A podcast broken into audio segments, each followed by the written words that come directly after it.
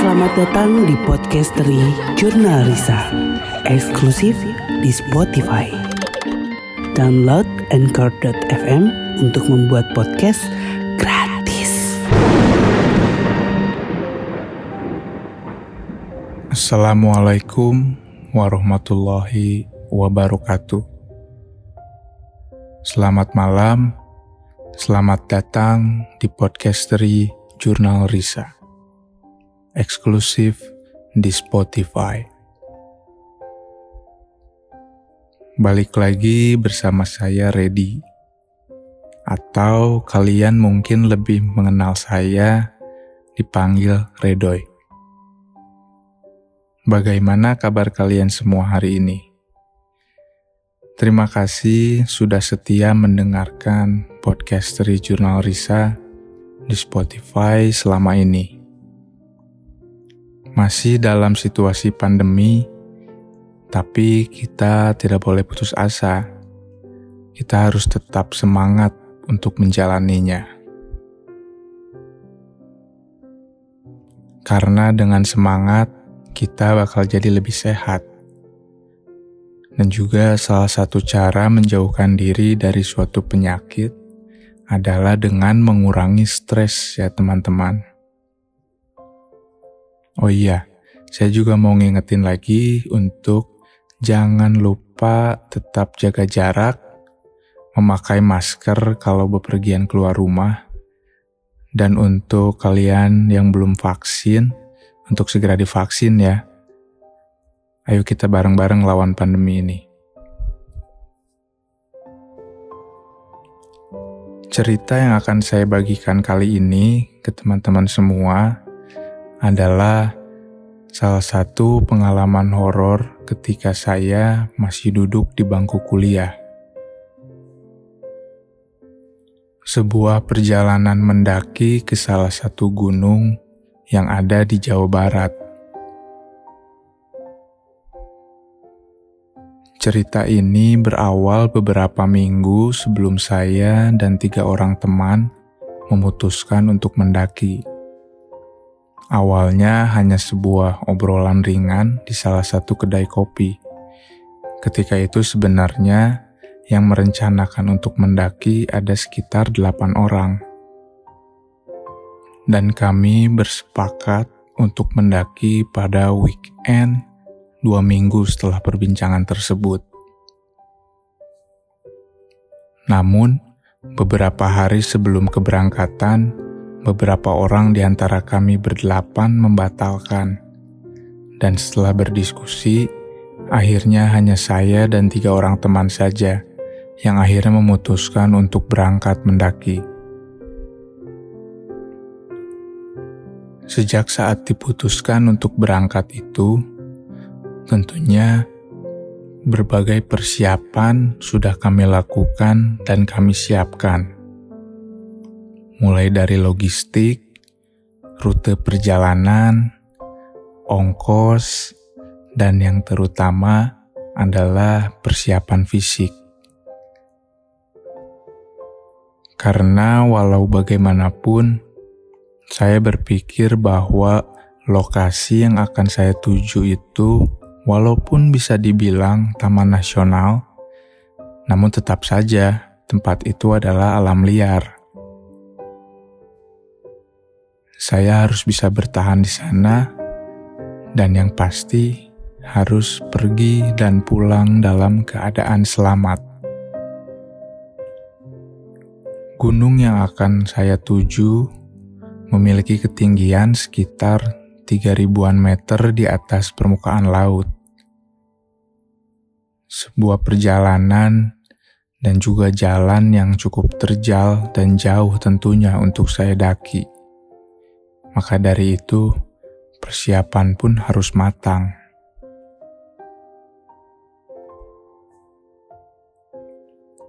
Sampailah pada hari di mana kami berangkat, kami memutuskan untuk berangkat ke kota tujuan dan bermalam di rumah salah satu keluarga teman saya.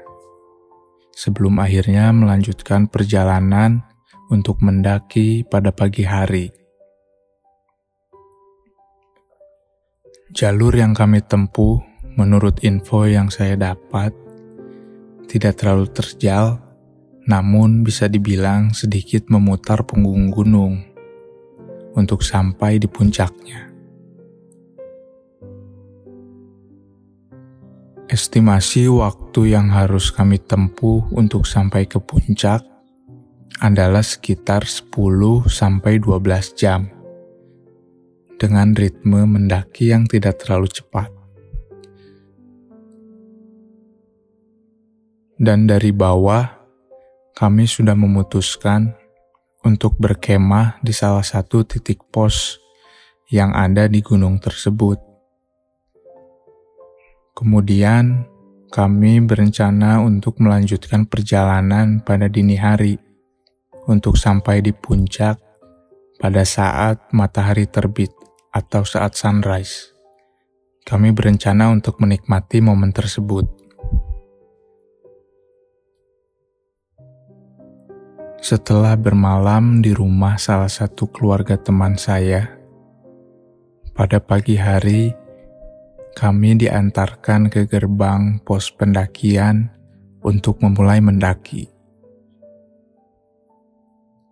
Setelah segala urusan administrasi selesai, kami pun berdoa sejenak agar diberi keselamatan selama perjalanan. Setelah selesai berdoa, kami akhirnya berjalan mendaki gunung. Perasaan yang saya rasakan pada saat itu adalah perasaan excited dan senang, dan ada rasa syukur dalam diri karena diberi kesempatan untuk melakukan pendakian ini. Banyak orang bilang bahwa kegiatan mendaki gunung adalah salah satu cara selain untuk bersyukur, juga untuk melatih kesabaran. Karena untuk sampai ke puncak, kita harus bersabar dengan melangkahkan kaki selangkah demi selangkah. Walaupun di tengah perjalanan beberapa kali kami berhenti sejenak untuk sekedar minum, duduk, dan melemaskan kaki setelah berjalan mendaki cukup jauh. Setelah beristirahat sejenak, kami melanjutkan perjalanan kembali.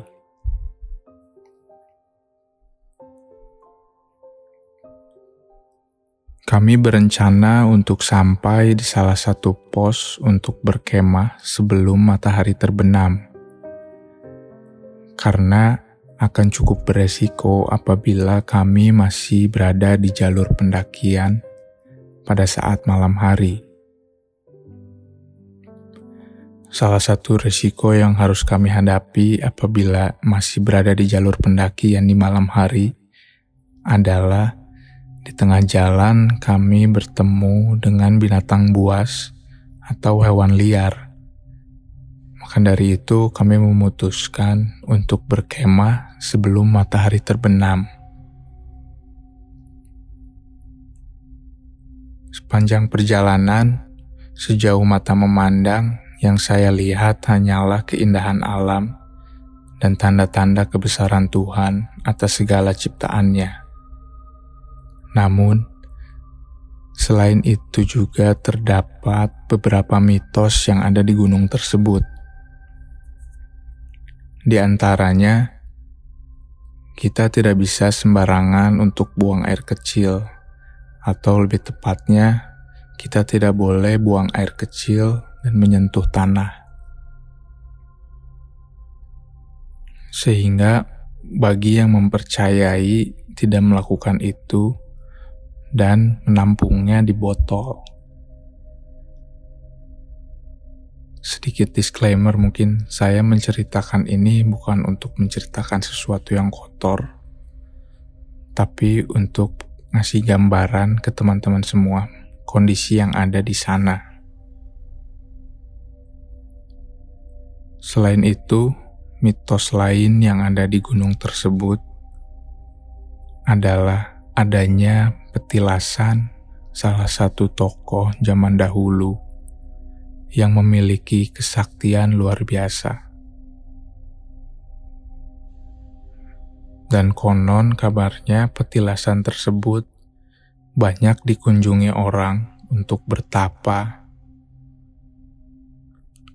Namun, saya kurang mengetahui jelas posisi persisnya petilasan tersebut ada di sebelah mana. Apakah di jalur yang saya lewati atau bukan? Kemungkinan besar sih bukan di jalur pendakian umum ya. Mungkin untuk sampai ke sana kita harus diantar oleh kuncen.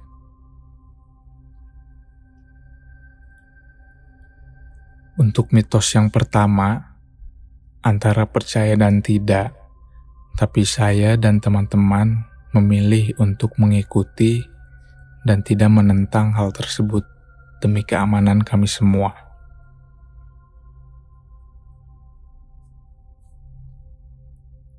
Dan tidak terasa, hari sudah mulai petang. Dan kami hampir tiba di lokasi yang kami tuju untuk bermalam dan berkemah. Kurang lebih Sekitar satu setengah jam kemudian, kami sampai di titik pos tersebut. Tanpa berlama-lama, kami langsung menyiapkan tenda untuk bermalam. Lokasi yang kami pilih adalah salah satu lahan yang datar dan agak jauh dari pepohonan untuk menghindari pohon tersebut tumbang. Walaupun di sebelah tenda kami terdapat pohon yang sangat besar, namun sudah tumbang. Jadi kami pikir lokasi itu cukup aman untuk dijadikan tempat berkemah. Namun yang agak aneh, di sekeliling pohon tersebut tidak ada pohon lain. Kalau dipikir agak aneh tuh karena kenapa hanya ada satu pohon besar saja di situ, sedangkan di sekelilingnya hanya tanah datar. Setelah memastikan bahwa tempat tersebut aman untuk didirikan tenda, kami pun segera memasang dan mendirikan tenda agar tidak terlalu larut malam.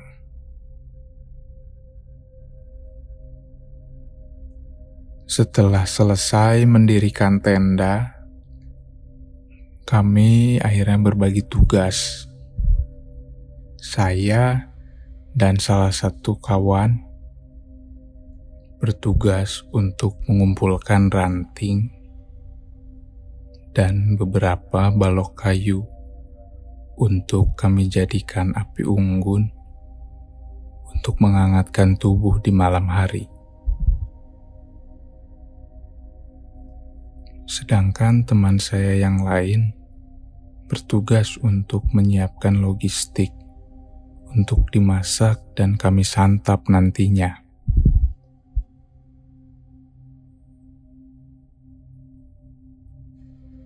Setelah berkeliling melihat sekitar, saya memutuskan untuk memotong beberapa bagian balok kayu dari pohon besar yang tumbang tadi. karena tidak mungkin kalau saya harus memotong dari pohon yang masih berdiri tegak, akan sangat berbahaya. Saya pikir karena pohonnya sudah tumbang, maka tidak apa-apa saya ambil sedikit bagian untuk dijadikan perapian. Setelah mengumpulkan beberapa balok kayu, dan ranting, saya kembali ke tenda dan mulai menyiapkan perapian.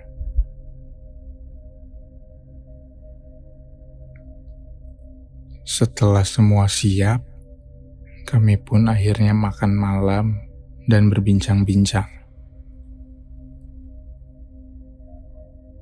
Nampak tidak ada yang aneh sama sekali pada saat itu. Walaupun banyak yang bilang bahwa di gunung tersebut merupakan salah satu gunung yang bisa dibilang angker. Bahkan keluarga di rumah dan salah satu keluarga teman saya sempat memperingatkan kami bahwa jangan macam-macam di gunung ini. Dan beberapa kali juga menanyakan kembali kepada kami, apakah kami akan benar-benar mengunjungi gunung tersebut. Karena dari cerita mulut ke mulut yang beredar, banyak sekali kejadian mistis yang ada di sini. Dan bahkan beberapa kali sempat terjadi beberapa pendaki pulang dalam keadaan linglung atau seperti tidak sadar. Namun, kami tetap berpikir positif dan mengingat niat kami yang memang tidak akan macam-macam. Akhirnya kami pun sampai di sini. Tidak terasa, kami berbincang dan menikmati dinginnya malam di depan perapian. Waktu pun sudah semakin larut dan semakin gelap kurang lebih sekitar pukul setengah sepuluh lewat, kami pun memutuskan untuk tidur dan beristirahat karena kami akan melanjutkan perjalanan ke puncak pada dini hari nanti.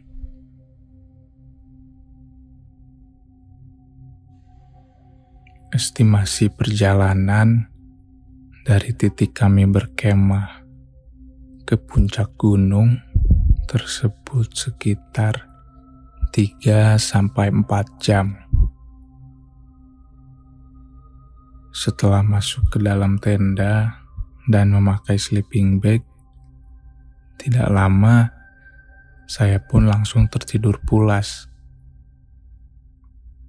Karena memang kondisi badan juga yang sudah lelah sehingga saya tidak memerlukan waktu yang lama untuk langsung tidur. Entah sudah berapa lama saya tertidur, saya bermimpi, namun rasanya seperti sebuah kejadian nyata. Di dalam mimpi tersebut, keadaannya persis berada di tempat yang sama pada saat saya berkemah. Posisi tidur saya paling ujung dekat sebuah jendela tenda. Suasana ketika itu malam sangat sunyi, tidak ada suara binatang satupun. Semua teman saya pun sudah tertidur lelap. Dari kejauhan, saya mendengar suara langkah kaki menginjak rerumputan. Awalnya pelan, makin lama makin kencang, yang artinya seperti ada sosok yang mendekat ke arah tenda kami. Sosok tersebut berjalan perlahan mendekati tenda. Posisi mata saya pada saat itu masih tertutup, namun saya sudah terjaga. Sampai pada akhirnya Suara tersebut menghilang. Dan waktu itu saya sangat yakin bahwa sosok tersebut berada di dekat tenda. Seketika saya coba untuk membuka mata dan melihat ke sekeliling. Sudut yang pertama kali saya lihat adalah pintu tenda. Dan benar saja, sosok tersebut tepat berada di depan pintu tenda. Bentuknya terlihat dari siluet akibat pancaran sinar bulan. Terlihat sesosok berbentuk seperti manusia hanya berdiam di depan tenda. Seketika saya merasa ketakutan dan mencoba untuk membangunkan teman yang berada di samping saya.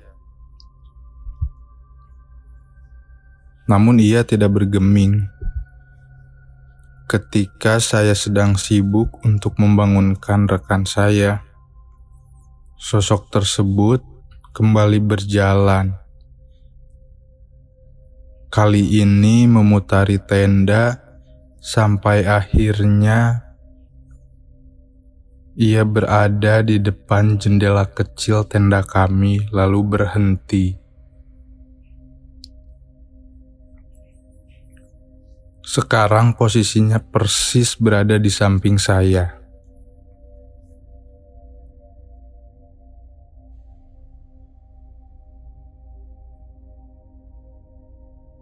Jendela tenda kami pada bagian luarnya berbahan plastik transparan. Kemudian, lapisan kedua seperti jaring, dan lapisan terakhir pada bagian penutup dari dalam tenda memiliki perekat untuk menutupnya berbahan dasar kain. Sehingga dari sela-sela saya dapat melihat apa yang ada di luar sana. Ditambah Kondisi malam itu sedang terang bulan. Mengingat di sekitar kami tidak ada pohon, sehingga pancaran sinar bulan dapat langsung mengenai objek tanpa terhalang.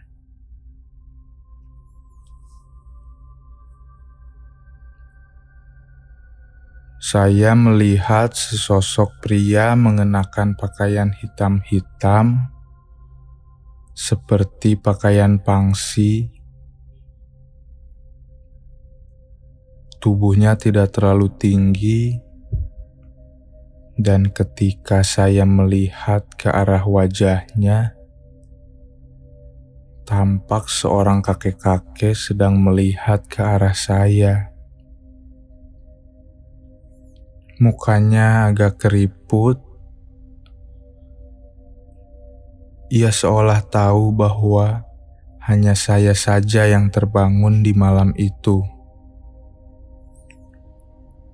Matanya merah, tatapannya tajam, tampak seperti sedang marah.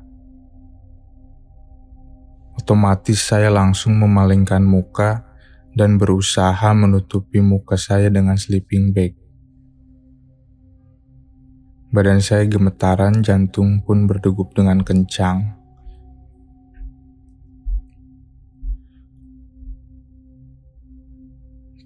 Tak lama setelah kejadian itu, saya pun akhirnya terbangun dengan kondisi yang sama seperti saat terakhir dalam mimpi saya. Sungguh perasaan yang tidak enak tapi saya masih berpikir bahwa ini hanyalah mimpi. Untungnya.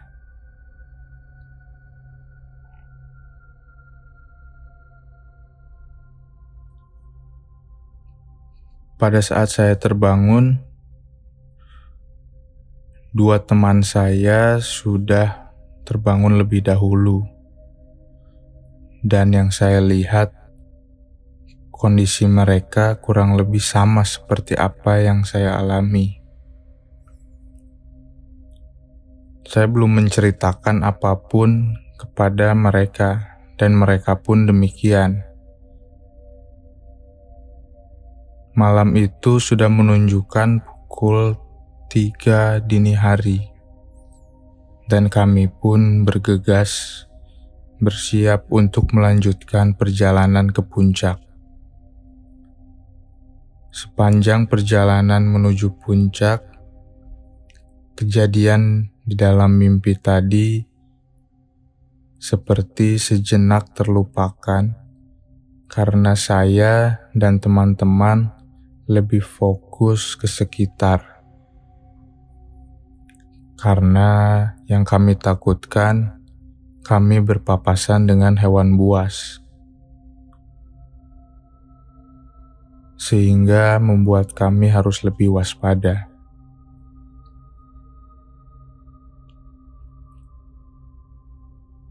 Namun, sesekali tiba-tiba terlintas di pikiran tentang kejadian di dalam mimpi tersebut entah hanya perasaan atau betul, saya merasa ada orang yang ikut dengan kami dalam rombongan ketika menuju ke puncak. Kebetulan, waktu itu posisi saya berada di paling belakang. Namun, saya tidak berani untuk menengok ke belakang.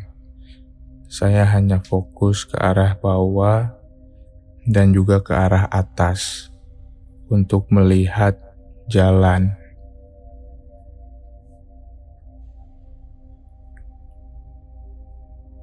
Ketika sampai di puncak, sayangnya rencana yang telah kami siapkan tidak terwujud. Karena ketika kami sampai, waktu sudah menunjukkan pukul 6 pagi. Kami melewatkan saat matahari terbit. Kami pun bersantai sejenak dan akhirnya kembali turun ke arah tenda dan segera bersiap untuk turun dan pulang ke Bandung.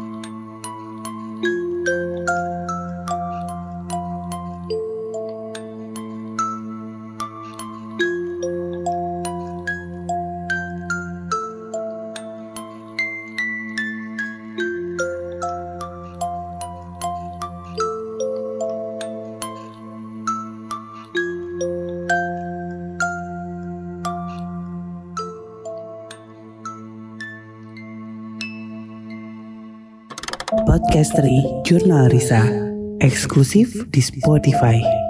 Download Anchor.fm untuk membuat podcast